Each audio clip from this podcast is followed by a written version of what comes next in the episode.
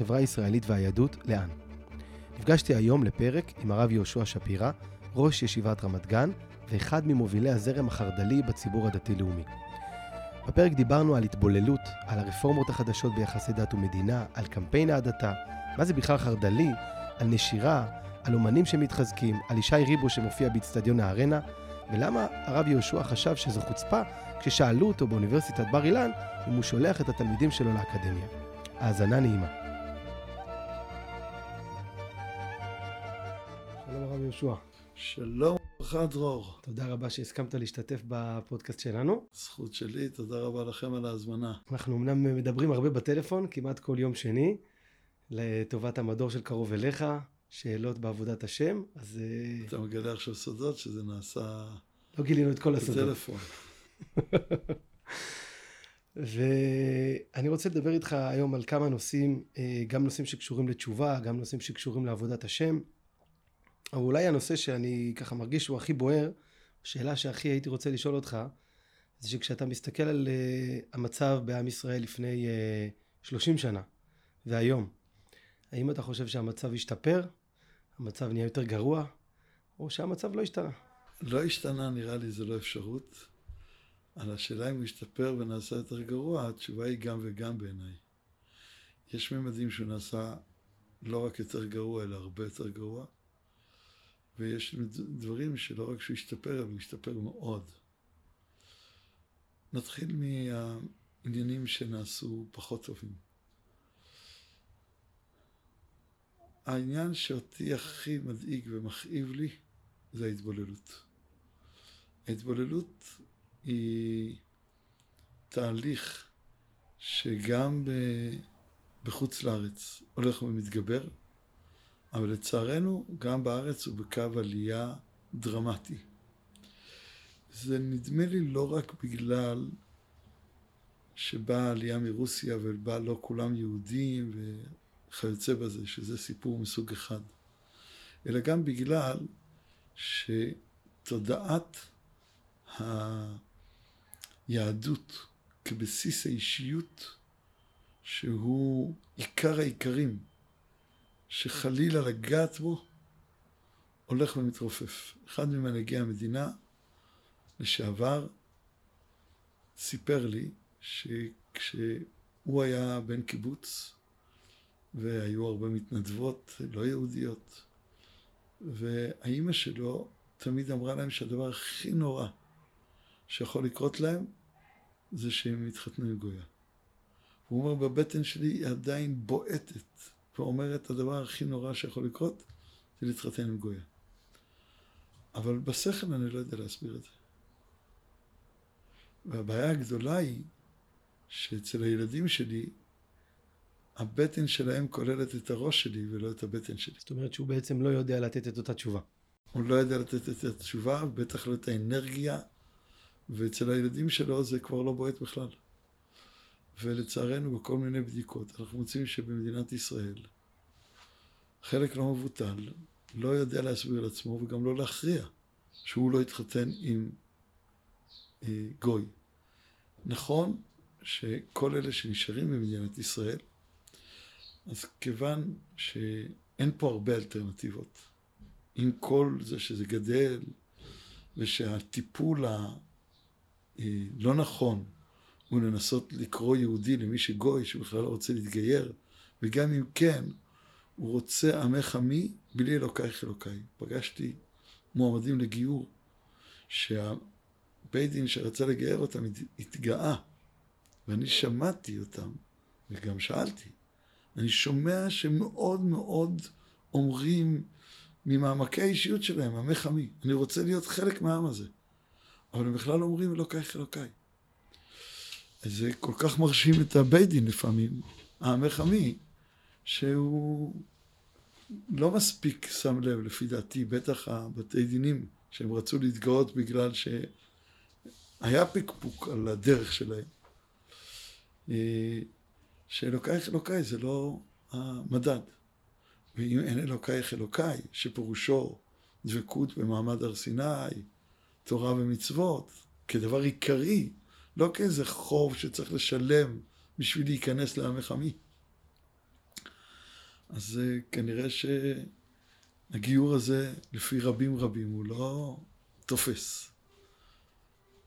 הניסיון ללכת לכיוון הזה הוא בעצם תחליף ליכולת להגיד מי שלא יהודי לא נכנס לארץ ישראל.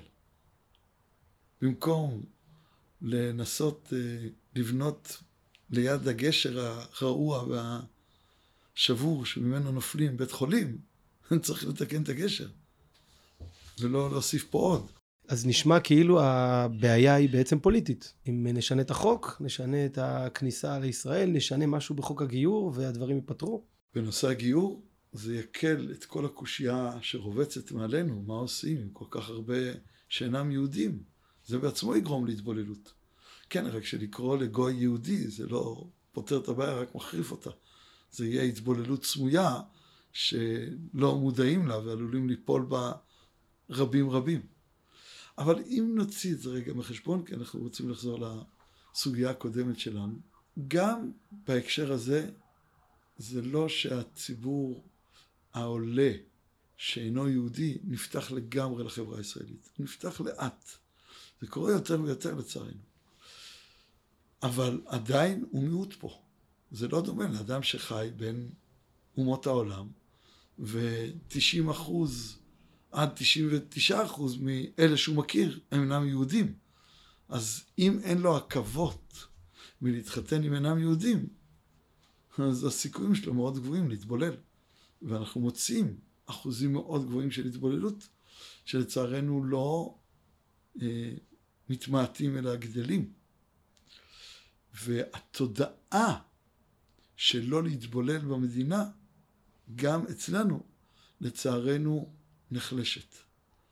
וכיוון שההזדמנות כן נוכחת, וההיטמעות בחברה הישראלית, והיכולת כן להתחבר עם אלה שאינם יהודים, היא לאט לאט גדלה דרך הטבע.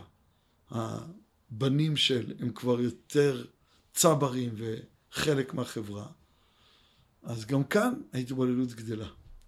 אבל בעיניי השורש הוא התודעה.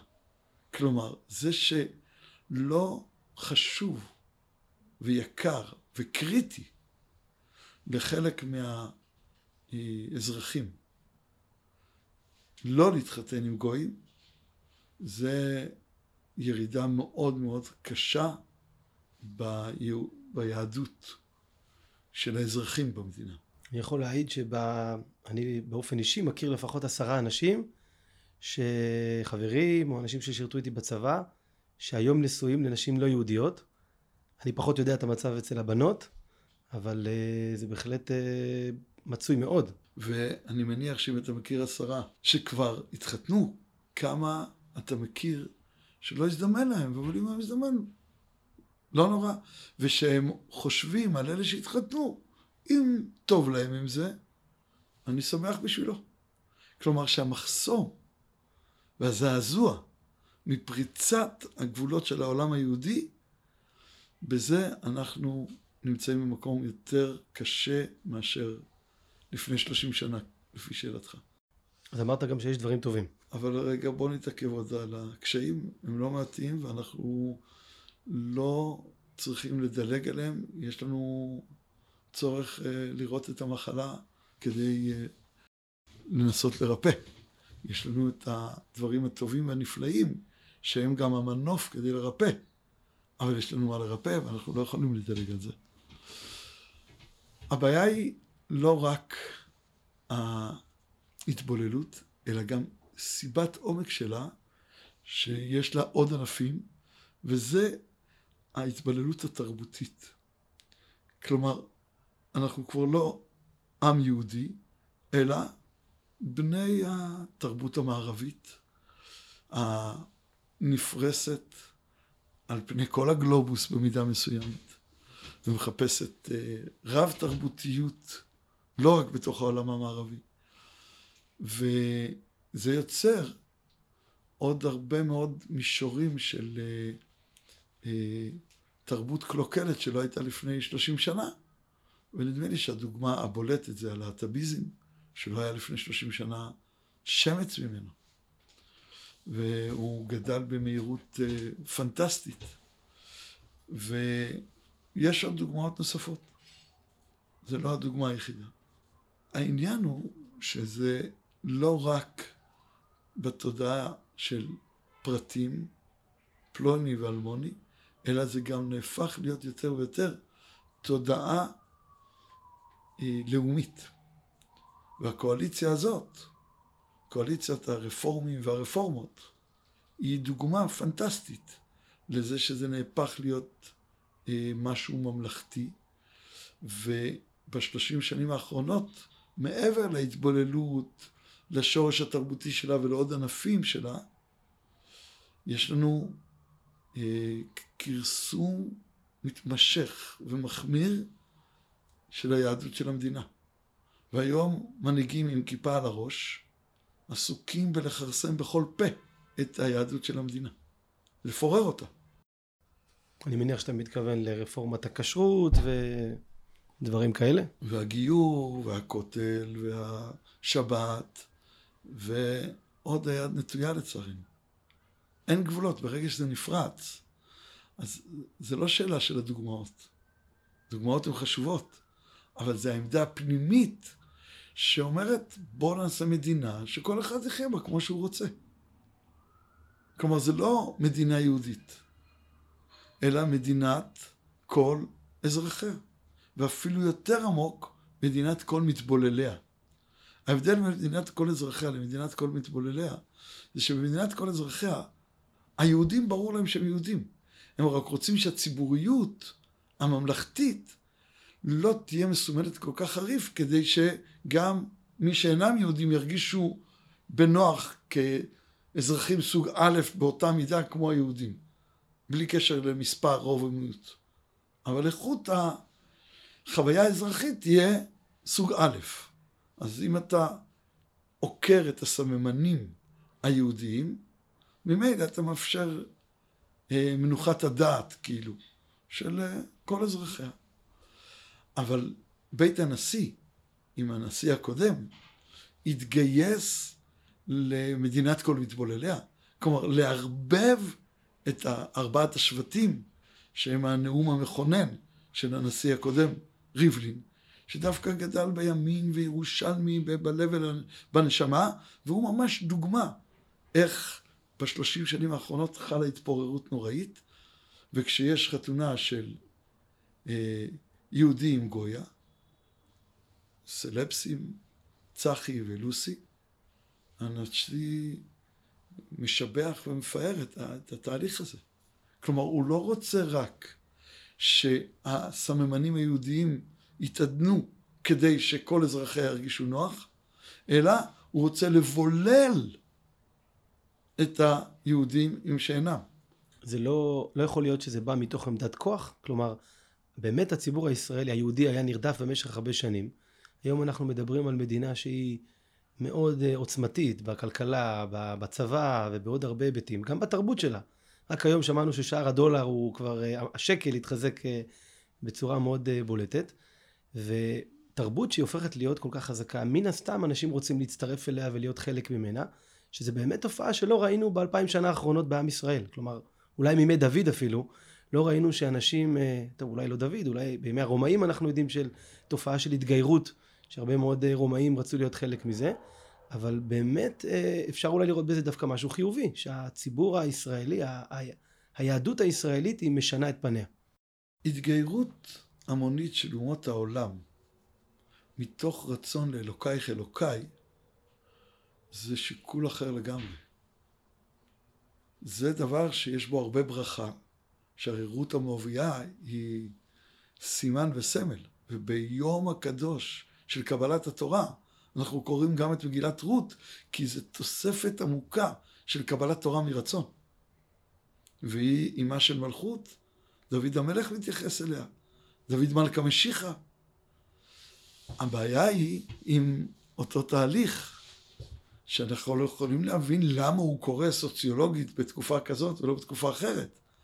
אבל אם הוא קורה בדרך שאינה טובה, אז הוא חלק מהנפילה שקרתה לנו בשלושים שנים האחרונות ולא חלק מהעלייה. אבל הייתה גם עלייה. עלייה מדהימה.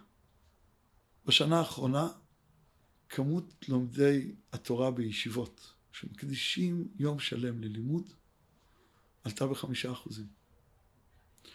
כמות הממשיכים עוד שנים בישיבה לעומת שנים קודמות עולה כל הזמן. בוודאי בציונות הדתית, אבל גם בעולם החרדי. תשומת הלב לשמירת ההלכה בכל דקדוקיה עולה בחלקים ניכרים, אם כי יש חלק שיורד גם בהקשר הזה. חלק מהציונות הדתית נחלש בקיום ההלכה. אני חושב שזה לא סוד, ושלא צריך להיות איזה פיקח גדול בשביל להבחין בתהליך הזה, הוא נראה לעין באופן בולט. תרתי משמע. גילוי נאות, לפני uh, בערך שנתיים, uh, הרב פנה אליי ביחד עם הרב שמואל אליהו, וביקשו שנערוך איזשהו מחקר שיבדוק את הנשירה בציבור הדתי-לאומי. יש המון המון מחקרים שיצאו בשנים האחרונות, נתוני הלמ"ס, ואכן אחרי הרבה מחקר משווה מעמיק, התברר uh, שאחוז הנשירה הוא עומד על כ-35 אחוז uh, בסדר גודל uh, גדול מאוד. ממוצע המחקרים. ממוצע המחקרים, כן. כשבעולם החרדי זה עומד על כשבעה אחוזים. שישה אחוזים. כלומר פי חמש. תוצאות אחרות יצא לנו פי שש. כלומר, יש פה התרחשות דרמטית. וגם אלה שנשארים, הקולות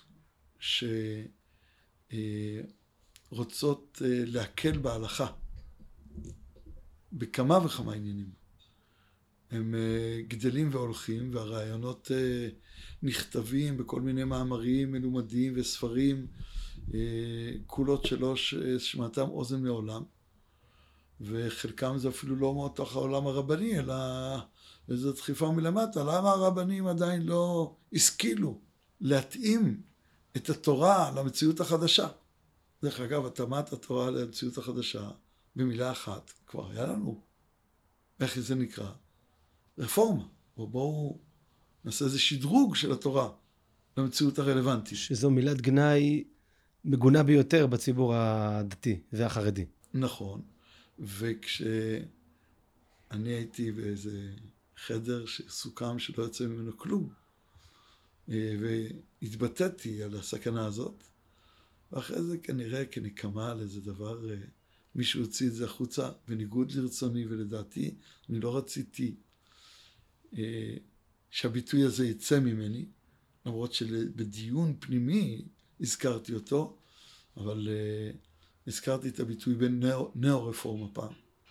וכי הדחיקה הזאת של אנשים, למה הרבנים לא מתעדכנים, לא מבינים את המצב, לא מקילים, לא מתירים נשים בהפקעת הקידושין, לא מתירים עגונות בכל מיני דרכים, לא מוותרים על חומרא דרבי זיירא וכל מיני רעיונות שדרך אגב עיקרם זה בנוגע לענייני עריות וצניעות וכיוצא בזה. מקום שליבו של אדם מחמדתן, בלשון חז"ל, אז שם יש יותר דחיקה על הרבנים שהם לא מספיק ערים. אבל אם נחזור שוב למעלה הגדולה שנעשתה, מלבד הבעיה שיש בשוליים שהן קצת מתפוררות, אבל במרכז יש התחזקות עצומה. אני זוכה בכמה הקשרים לעבור בין ישיבות, בין ישיבות תיכוניות, בין ישיבות אה, הסדר גבוהות, ואתה רואה פריחה עצומה של התורה. יש עוד לאן ללכת, יש עוד לאן להתפתח, אבל יש פריחה מדהימה של התורה. יש פריחה אדירה בציבור החרדי, וגם בציבור החילוני. יש תנועת תשובה מתגברת והולכת. כשלמדנו את הסטטיסטיקות, גם את החלק הזה ראינו, אם כי לא התמקדנו בו. אבל תנועת התשובה מתגברת, לא נחלשת. ויותר מזה, המסורתיות היה נראה כאילו היא הולכת להתפורר ולהיעלם מחיינו. והתשובה היא לא, היא לא נעלמת. היום היא כ-40 אחוז עקשניים. יש בהם בוודאי פתחי יציאה ופתחי כניסה. זה לא תמיד אותם אנשים. אבל אם מסתכלים על הסך הכל, יש לנו מסורתיות חזקה, ואולי הדבר הכי חשוב שאני רוצה להגיד, בנוגע להתפתחות, זה יש סנונית שמבשרת את בוא השינוי, המהפך, האביב. אנתרופולוגים, סוציולוגים אומרים שהדמויות שמריחות את המהפך הראשונות, לפני שכל המון העם רץ כעדר, כעדר נבון, אבל לכיוון חדש, יש סנוניות, זה האומנים. האומנים, בגלל שהם ססמוגרף הרבה יותר רגיש, הם, הם חשים בשינוי העתיד, כמו בצונאמי, החיות רצו אל הערים. הן מרגישות מה הולך לקרות, כשהאדם עוד לא חש בזה. כמו שבהרבה עניינים יש להם חושים יותר מפותחים משלנו. והחושים המפותחים נמצאים יותר אצל האומנים מדרך הטבע. זה, זה מעלתם, זה איכותם, שיש להם ססמוגרף רגיש. וכשאתה מסתכל על האומנים, בעיקר בתחום המוזיקה היום, אתה אומר, דבר לא יאומן. ישי ריבו, עם הבעירה שלו, והביטוי הברור, הבהיר, של עבודת השם, של אה, געגועים ליהדות, לקדושה, לשם יתברך, עם אה, עבודת כהן גדול בבית המקדש, פתאום זה... בפלייליסט של גלגלצ. ומספר אחד בארץ. פשוט לא יאומן. אמרו לי שעכשיו הוא בארנה 2 בלונדון, עוד זמר ישראלי לא זכה לכזה מקום ענק, ישי ריבו, מגיע. אתה שומע את אביב גפן, שאומר, אם יהיה לי הערה, אני אחזור בתשובה. אני אומר לך, אם יהיה לי הערה, אני לא אחזור בשאלה. אם תהיה לי החשכה, אני גם לא אחזור בשאלה. איזה מין ביטוי זה? כאילו הוא כבר מרגיש משהו בתוכו, איזה סנונית בתוכו אומרת לו, המהפך מתקרב. הוא אומר, כן, אבל אני מחכה שהרכבת תעצור באופן שיהיה לי נוח לעלות על העגלה. זה לא יאומן. וכאן אני רוצה לקשר בין החלק של הקושי שקרה בשלושים השנים האחרונות להתגברות של האור בשלושים שנים האחרונות. שתי מגמות שממש סותרות אחת את השנייה. נכון. כשהיה מהפך בחנוכה, ומתתיהו פתאום שבר את העול של היוונים, זה יכול לקרות בכמה וכמה תחנות. זה יכול לקרות כשמלכות יוון התחילה להשתלט. ואתה אומר, לא רוצה לתת לכם. כשהכוהנים כבר לא יכולים לגור בירושלים, הרי הוא מבית הכוהנים הגדולים. מתתיהו כהן גדול, חשמונאי ובניו. מתתיהו בן יוחנן, כהן גדול. האם מתתיהו בעצמו היה כהן גדול? יש שאלה בזה. אבל הוא מבית הכהנים הגדולים והוא לא נמצא בירושלים. זה לא גורם למהפכה. יש המון מתייוונים. לא הרימו את נס המרד. מה הצית את הלבבות? שיווני מכריח לעבוד, להקריב לעבודה זרה. אז מתתיהו שולף את החרב, הורג את המתייוון ואת היווני, ומילה השם אליי. ונדמה לי שיש פה נקודה מאוד עמוקה, שכשאתה רוצה לחדש את עבודת המקדש, וזה בעצם מה שקרה. כי מתחילת בית שני היה מקדש, אבל הוא לא... הוא היה בצל של בית ראשון, לא היה בו אור. לא היה בו איזה יופי, איזה רוממות, איזו התפעמות. בית חשמונאי פתאום. אמרו, וואו, בית שני, זה, זה, זה חנוכה. עד היום, מה שמאיר אצלנו בבתים, זה לא תחילת בית, בית שני, אלא החשמונאים. ואם אתה רוצה לחדש ולרענן את עבודת המקדש, לית חשוכה, לית נאורה כנאורה דעתי מגו חשוכה. אין אור כמו אור שבא מתוך החושך. ובשביל לחדש את עבודת המקדש, חנוכת המזבח, אז דווקא החושך של זה הוא המעורר. ונדמה לי שהחושך של התבוללות, של מדינת כל אזרחיה, של תרבות הפוכה מהיהדות, היא החושך שהקדוש ברוך הוא דרכו מחדד אותנו לרצון למדינה יהודית, לשוב בתשובה, לקרוא בשם השם. וזה קורה במקביל, ועדיין לא פרץ את הפריצה הגדולה. נדמה לי שהאומנים הם הסמן. מה הולך לקרות לנו? שפתאום היהדות, במובן המלא, כמו שהוא יכול להיות היום, של תורה, של מצוות, של קדושה, של דבקות, של אור שמעורר את כל כוחות האישיות. וזה מה שאומנים מצליחים להביא. הם מעוררים לא דווקא את השמירת התורה והמצוות בפועל, אבל את כל הרגשות והאמייה הפנימית להתקשר, את זה הם מעוררים. יש אנשים שמאוד חוששים מחזון כזה, שהם מזהים ביהדות היום, ביהדות הסוחפת הזו שתיארת, משהו מאוד לאומני, מאוד צר, מאוד קנאי, מאוד מפחיד אותם. הם רוצים להיפתח לעולם, הם רוצים תרבות, הם רוצים uh, את האוניברסליות. איפה הצד הזה בתוך החזון?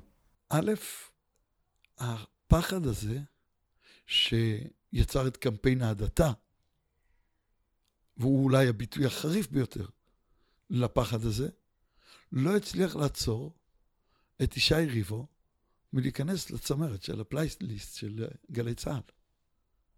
כלומר, הפחד הזה נמצא, צריך לעסוק בו, צריך לדון בו.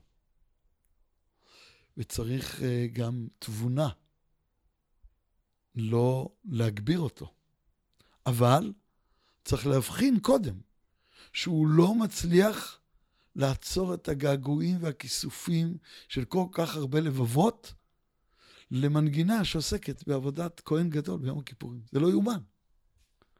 איך שזה הצליח להתנחל בלבבות. והוא לא היחיד כמובן, כן? זה הוא, זה אביתר בנאי, זה חנן בן ארי, ועוד דמויות רבות. אגב, ש... רבים מהם עברו בישיבה שלך. גם זה נכון. יש לך קשר עם התופעה הזאת? יש לי נקודה עמוקה מאוד מאוד בלב, אז אולי זה גרם להם להידבק, זה נכון. אבל אולי זה גם גרם לי לראות את זה יותר בבהירות. אבל קורה פה תהליך מדהים, וקמפיין ההדתה, את זה לא הצליח לעצור. ובעצם החבורה הזאת, ושכיוצא בה, שולירן, לא, יש עוד, כן, כמובן, אני אפילו לא מומחה גדול לזה. אני אוהב את ניגוני, ניגוני האדמו"ר הזקן בכלל. זה לא, ש... אני לא שומע את זה, אני לא בקיא בזה. טיפה, מאיפה אני יודע שיש מעשה כהן גדול היום בשירה הישראלית? כי מישהו אמר לי, תראה מה קורה פה. בגלל המחקר הסוציולוגי פה, התרבותי פה. לא בגלל שזה המוזיקה שלי. אני, ניגוני האדמו"ר הזה, כן, לא בביצועים החדשים, זה מה שמדבר אליי. אלה עם הפסנתר והתקליט החורק. ו- ועוד יותר מזה, אלה עם זקני החסידים, שהלב הבוער שלהם הוא היה ספוג כולו בדבקות אלוקית, וכל חברת השפע בכלל לא הגיעה אליהם. אני שמעתי אותם, את זקני החסידים מנגנים באיזה... ו- ועדיין, החסידויות ש... שהסערה שבחוץ לא חלחלה לגמרי פנימה, או לגמרי לא חלחלה, משהו בין זה לזה. שמה, זה, שמה המתיקות שאני, וגם לשמה כל מיני סנטיסייזרים וכל מיני חדרו וחלחלו. אני, לחלחול הזה אני לא שייך. נחזור. אז קמפיין ההדתה, את זה לא הצליח לעצור. למה? אפילו קמפיין ההדתה לא סימן את זה כיעד, למרות שזו סכנה נוראית. את אביב גפן זה הביא להגיד, אני רק מחכה להערה בשביל לחזור בתשובה. אז תראו איזה הדתה קורית פה, מה, לאן אנחנו הולכים? לאן נגיע? לא. למה? לדעתי, כי זה עקף את הפחד. יש לנו צורך לטפל בפחד.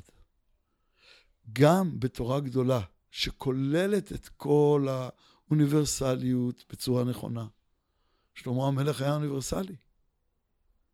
אבל לא פחות מזה, הוא בנה את הבית הראשון. הוא כולו היה מקדש.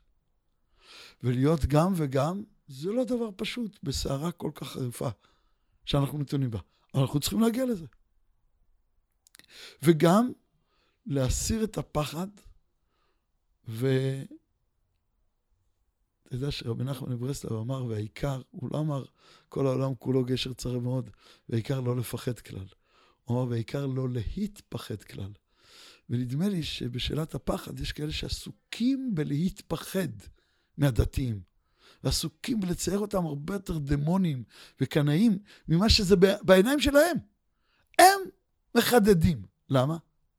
אם אתה שואל אותי, הם מרגישים שאם הם לא יעשו את זה דמוני, הם יחזרו בתשובה. זה נוגע להם. ולכן ישי ריבו התנחל בלבבות למרות קמפיין ההדתה. משהו שם מחלחל במעמקים, ומרגישים שזה כל כך עלול לשנות את חייהם. מה שהאומנים כבר הלכו בו ושינו חלקם. ועומדים לפני השינוי, עוד חלק. ומרגישים את זה והם מבוהלים, אז הם מפחידים את עצמם. זה לא אומר שאנחנו לא צריכים לנהוג בתבונה, אבל אנחנו גם צריכים לדעת שהציור הזה של קנאות, זה לא בגלל שבאמת אנחנו כאלה רעים, מפלצתיים. תסתכל עליי, אתה רואה קרניים? אתה רואה מפלצתיות? לא, גם אנחנו אפילו יודעים לעשות פודקאסט. תראה כמה אנחנו נאורים. זה לא בגלל זה. אני לא אומר שאין לנו דברים שאנחנו צריכים לעדן. אין רוחב שאנחנו צריכים לגלות, להסביר. אין עומק שאנחנו צריכים להנביע. צריכים את כל זה. זה תלוי גם בנו. אבל צריכים גם להודות שהם מתפחדים, מפחידים את עצמם. למה? לדעתי, זו בשורה טובה, כי זה נוגע להם. אתה גדלת בכפר פינס. עד גיל שלוש, כן. וגדלת בירושלים, ואחר כך עברת עם הוריך לעופרה, שהקימו שם מדרשה שעד היום אה, קיימת ופועלת, מדרשה לבנות, אולי הראשונה בארץ, אם אני לא טועה. לא. לא הראשונה. מדרשת תורה. אבל ודאי אחת הראשונות, כן. והוותיקות, והמוכרות, שעד היום... אה, הוריי ניהלו את המדרשה הראשונה. מכון מאיר הקים מכון הוראה, והוריי ניהלו אותו. ואחר כך, מתוך ידידות, הם מסרו את השרביט לאחרים והקימו ליד הבית בעופרה את מכון שובה.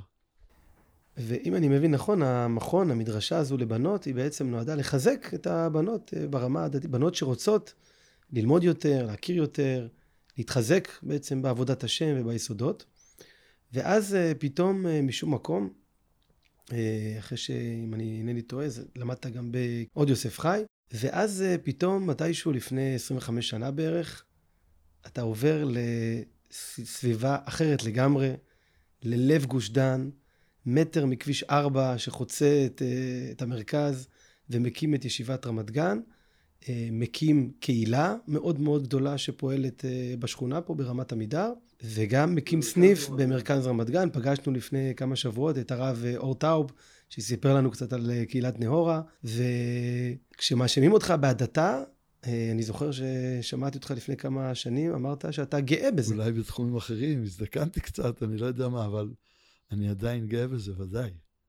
ולא רק שאני גאה בזה, אני חושב, כפי שאמרנו, שאני עושה טובה גדולה לאלה שנלחמים בהדתה, כי בסוף זה נשמע נורא פטרנליסטי ואיום ונורא, ואולי לא נכון היה להציג את זה כך, אבל אני באמת מאמין שנשמה של יהודי רוצה יהדות. נשמה של יהודי רוצה תורה ורוצה דבקות אלוקית. ולכן אני לא חושב שאני עושה להם רעה, אלא טובה. אני צריך לעשות את זה בתבונה, כדי שאני לא אתן תחושה שאני דורס ומועך בדרך. אבל אני חושב שאני עושה טובה אמיתית. אבל זה לא סותר בכלל את מה שההורים שלי עשו. כי ההורים שלי רצו שמכון שובה יהיה מקום לבעלות תשובה, לחילוניות, והיו גם כאלה. אבל לא הגיעו מספיק, והתדפקו על הדלתות בנות, והם לקחו את הכי רחוקות שהם יכלו. אבל עבודת הסינון לא הייתה מספיק טובה, אז נכנסו, נכנסו גם כמה צדיקות. אבל לא זאת הייתה הכוונה. המילה שובה, היא באה מהקונוטציה של חזרה בתשובה. שובה ישראל עד השם אלוקיך, שובה השם את שביתנו כאפיקים בנגב. כלומר, זה גם על החזרה בתשובה וגם על המהפך הלאומי, שובה השם את שביתנו כאפיקים בנגב, שזה בעצם הפסוק שממנו נלקח, זה אבי מורי עליו השלום היה אומר, מה זה כאפיקים בנגב? אדם נמצא בנגב, באזור צחיח, ופתאום ברגע אחד מגיע זרם אדיר ששוטף את הכל, מסוכן גם מאוד כידוע. והיום, שאנחנו עם תקשורת ועם חזאות יכולים להגיד מתי יש שיטפונות איפה, פחות או יותר, אף פעם לא היה, לא היה דבר כזה.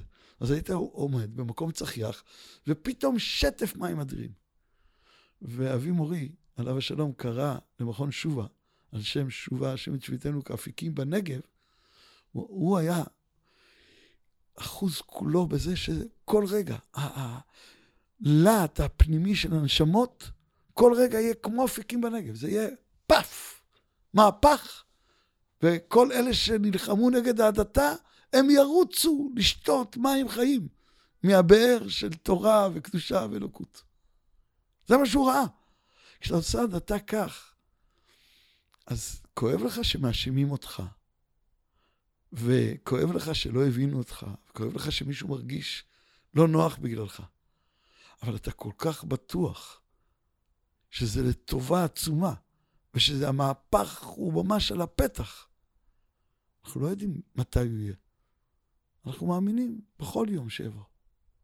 ואם יתמהמה, אז כנראה זה היום, לא אתמול. כי אנחנו חושבים שאתמול הוא לא הגיע. אבל האם אני מאמין שהיום האפיקים בנגב האלה יכולים בשיטפון עצום להתהפך ולהפוך את כל התרבות של מדינת ישראל? כן, אני מאמין באמונה שלמה בביאת המשיח בכל יום שיבוא. והוא ודאי כולל את המהפך הזה של אפיקים בנגב. למה דווקא רמת גן? האמת היא שאני רציתי תל אביב. אני חלמתי הרבה שנים על ללכת לתל אביב. בשביל ללכת לתל אביב ניגשתי לרב יעקב אריאל, אה, בבקשת ברכה וסיוע, הוא היה הרב של רמת גן, ומתלמידי רבנו הרב ציודה, הוא בעצם היה הדמות הבכירה אה, כאן בגוש דן. והוא פנה אלינו להקים את זה ברמת גן. יש לזה רקע היסטורי של אה, הסקאדים שנפלו ממלחמת עיראק. סדאם חוסיין. והפגיעה הישירה היחידה שהרגה מישהו הייתה ברמת גן, והכי הרבה נפגעים בכלל היו ברמת גן, הכי הרבה פגיעות. זו גם שאלה גיאוגרפית. אבל כשרב אברום שפירא זצ"ל הגיע לכאן אז, אז הוא שאל את הרב אריאל אם יש פה ישיבה. הוא אמר שיש ישיבה תיכונית, הוא אומר לא, ישיבה שלומדים רק תורה מבוקר עד ערב. אז הוא אמר לו שלא. אמר לו, אתה מתפלא שאתה, כרב העיר, צריך לדאוג שיהיה פה תורה. אז כשהגעתי אליו להתייעץ על תל אביב, אז הוא אמר, רב אברום אמר שצריך פה. אז אנחנו פה תודות לסלאם חוסיין בעצם. כן, אבל היום ברוך השם יש גם בתל אביב, לא ישיבה אחת, כמה? לא גרעין אחד, כמה? בעזרת השם. ההדתה במאור פנים ואהבת ישראל אמיתית ובתבונה לכאב שעולה מהקמפיין אה, נגד ההדתה, אה, אנחנו נמשיך ונעיר בעזרת השם. מוסיף והולך. הישיבה נמצאת ממש מול בר אילן. ממש יש את אה, כביש 4, גשר בר אילן, עוברים ומיד מגיעים לצד השני. ואתה גם מלמד בבר אילן, במדרשה, לבנות. איך אתה תופס את האקדמיה היום? היא מאיימת על לימוד התורה? היא תומכת בו? אפשר להיות גם בשני העולמות האלה יחד? שאלו אותי פעם בבר אילן באיזה פאנל, אם אני שולח את התלמידים שלי לאוניברסיטה. אני איש קצת חריף בלשוני, וגם פרובוקטור קצת. אז לפעמים אני אוהב ל... לעורר את הדיון. אז אמרתי, חס וחלילה. אני חושב שזו אחת התשובות המפתיעות שהם שמעו. אמרו לי, למה לא? אמרתי, קודם כל אני רוצה להגיד לכם, מה לכם ולכבשת הרש? באותה שעה, לפני הרבה שנים, בישיבה היו 170 תלמידים, באוניברסיטת בר אילן היו 17 אלף תלמידים. סטודנטים. אמרתי להם, אני רוצה לשאול אתכם שאלה. אתם פה בבר אילן שולחים את הסטודנטים שלכם אליי לישיבה? איזו חוצפה זאת. לא רק שאתם שואלים אותי, אלא שאתם חושבים שזה בלתי לגיטימי שאני לא אשלח. למרות שזה לגיטימי לגמרי בעיניכם שאתם לא שולחים אליי. מה, מה? אמרתי, זה לא שאני חושב שלא צריכה להיות אקדמיה.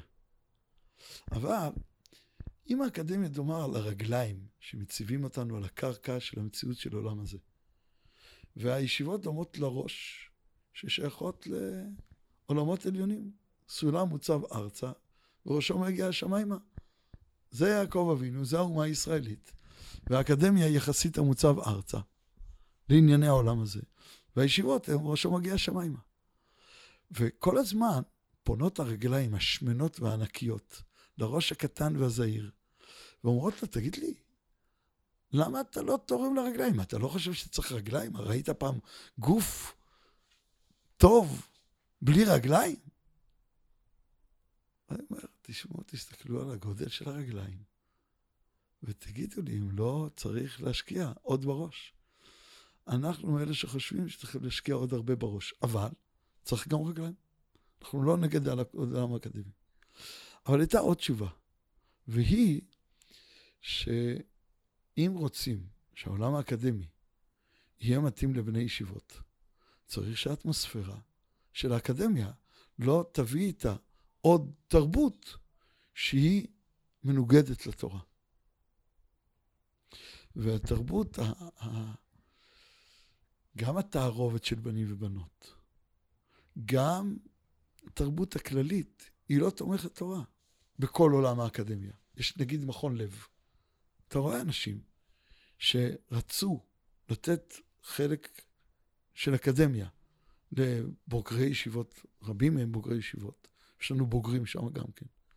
אבל הם נתנו פלטפורמה עם קדושה, עם שעות קודש, ויש מכון לב, ויש מכון לבנות, כל אחד עובד בשלו.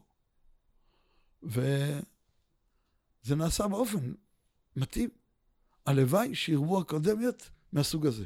למרות שאולי זה יגרום לכך שעוד יותר מהעולם התורה ילכו לאקדמיה, אם יהיה הרבה מאוד אפשרויות בקדושה של האקדמיה.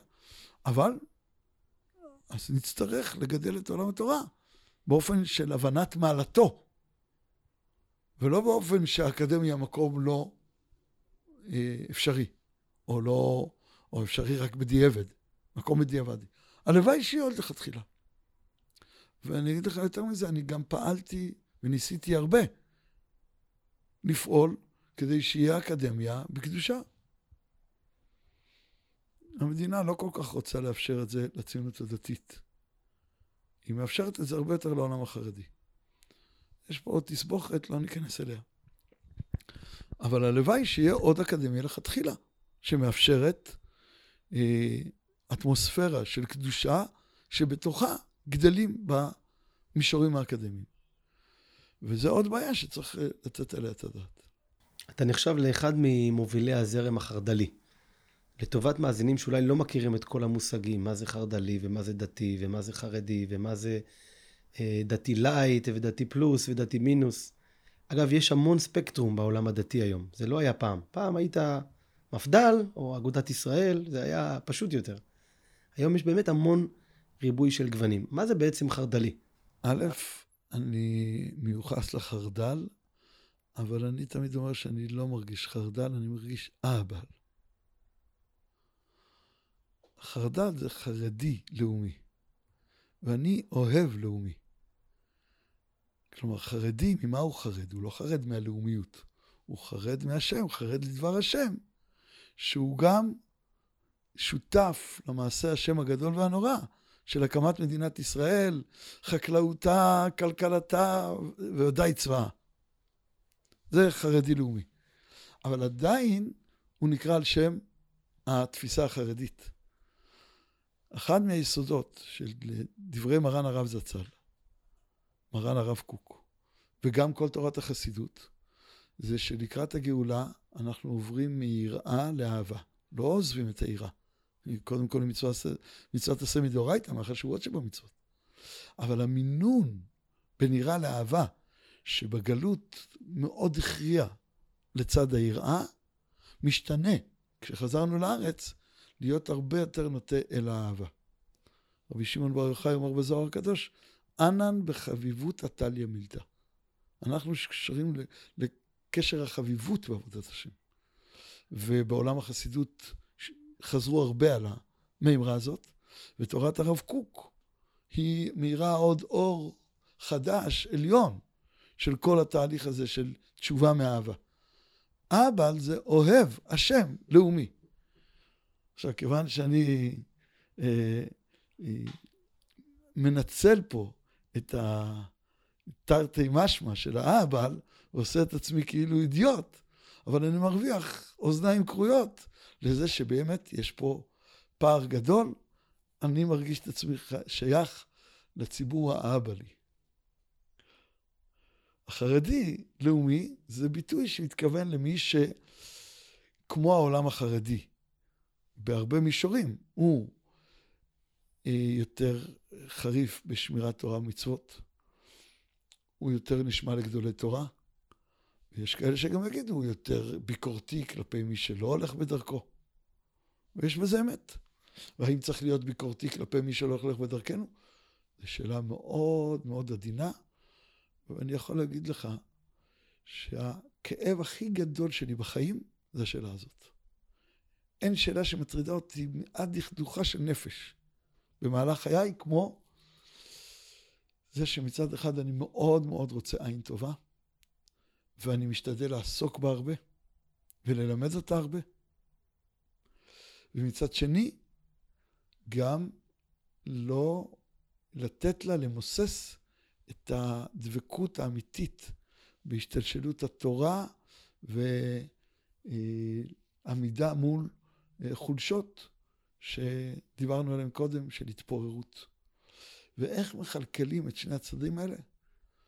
זה ממש דבר שאני אני כואב מאוד את ההתלבטות הזאת. אולי יותר מכל כאב אחר. ומצד ההתבוננות על הדור שלנו, לא מצד חסרון המקדש כמובן. ואני חושב שהמילה ירושלים, אם כבר דיברנו על המקדש, שבנויה משתי מילים, יראה ושלום, היא ממש כאילו המקום שבו עתיד להיות הפתרון. שגם היראה לגמרי וגם השלום לגמרי. מין פרדוקס כזה. כן. הלוואי, הלוואי, הלוואי שהייתי יודע איך לעשות את השלום במלוא הדרו, ואת העין הטובה במלוא מעמקיה, ובמלוא יופייה, ובמלוא אמיתיותה, וגם את היראה במלוא תוקפה. ויש כאלה שאומרים שאני יותר מדי ירא ומוותר על השלום ורומס אותו, ואני מבין את הטענה הזאת. לפעמים גם אני אומר לעצמי את הטענה הזאת. ולפעמים אומרים לי שאני יותר מדי סובלן, ויותר מדי שלום, ומוותר על היראה. וגם אני אומר לעצמי את הטענה הזאת. ואיך אני מכלכל את צעדיי בין שתי הטענות? אני חוזר, בנוגע לדור הזה, לא לחסרונות של מקדש ומשיח, זה הכאב הכי גדול שלי. הלוואי שהשם יאיר עיניי ללכת בדרך, בתום וביושר לפניו בעניין הזה. אמן. ואני רוצה שאלה אחרונה, ממש לסיום, לכל המאזינים שלנו ששומעים את השיחה ורוצים לעשות עוד צעד אה, לקראת הקדוש ברוך הוא. לא ידעתי, לפודקאסט יש גם מאזינים? חשבתי שזה בינינו. זה בינינו, אולי, אולי יש איזה אחד או שניים שגם מקשיבים. אז אותו מאזין או מאזינה שמקשיבים לנו עכשיו ואולי רוצים לעשות עוד צעד לקראת הקדוש ברוך הוא, משהו להתחזק בעבודת השם, איזה דרך אתה מציע להם? הדור שלנו, כמו שאמרנו, הוא דור של אהבה. אני מציע להם לחפש איזה מצווה הם הכי אוהבים ולאהוב אותה יותר. לאהוב זה לא רק בלב. כשם שאהבה מולידה נתינה לזולת, לאהוב, ככה הנתינה מולידה אהבה.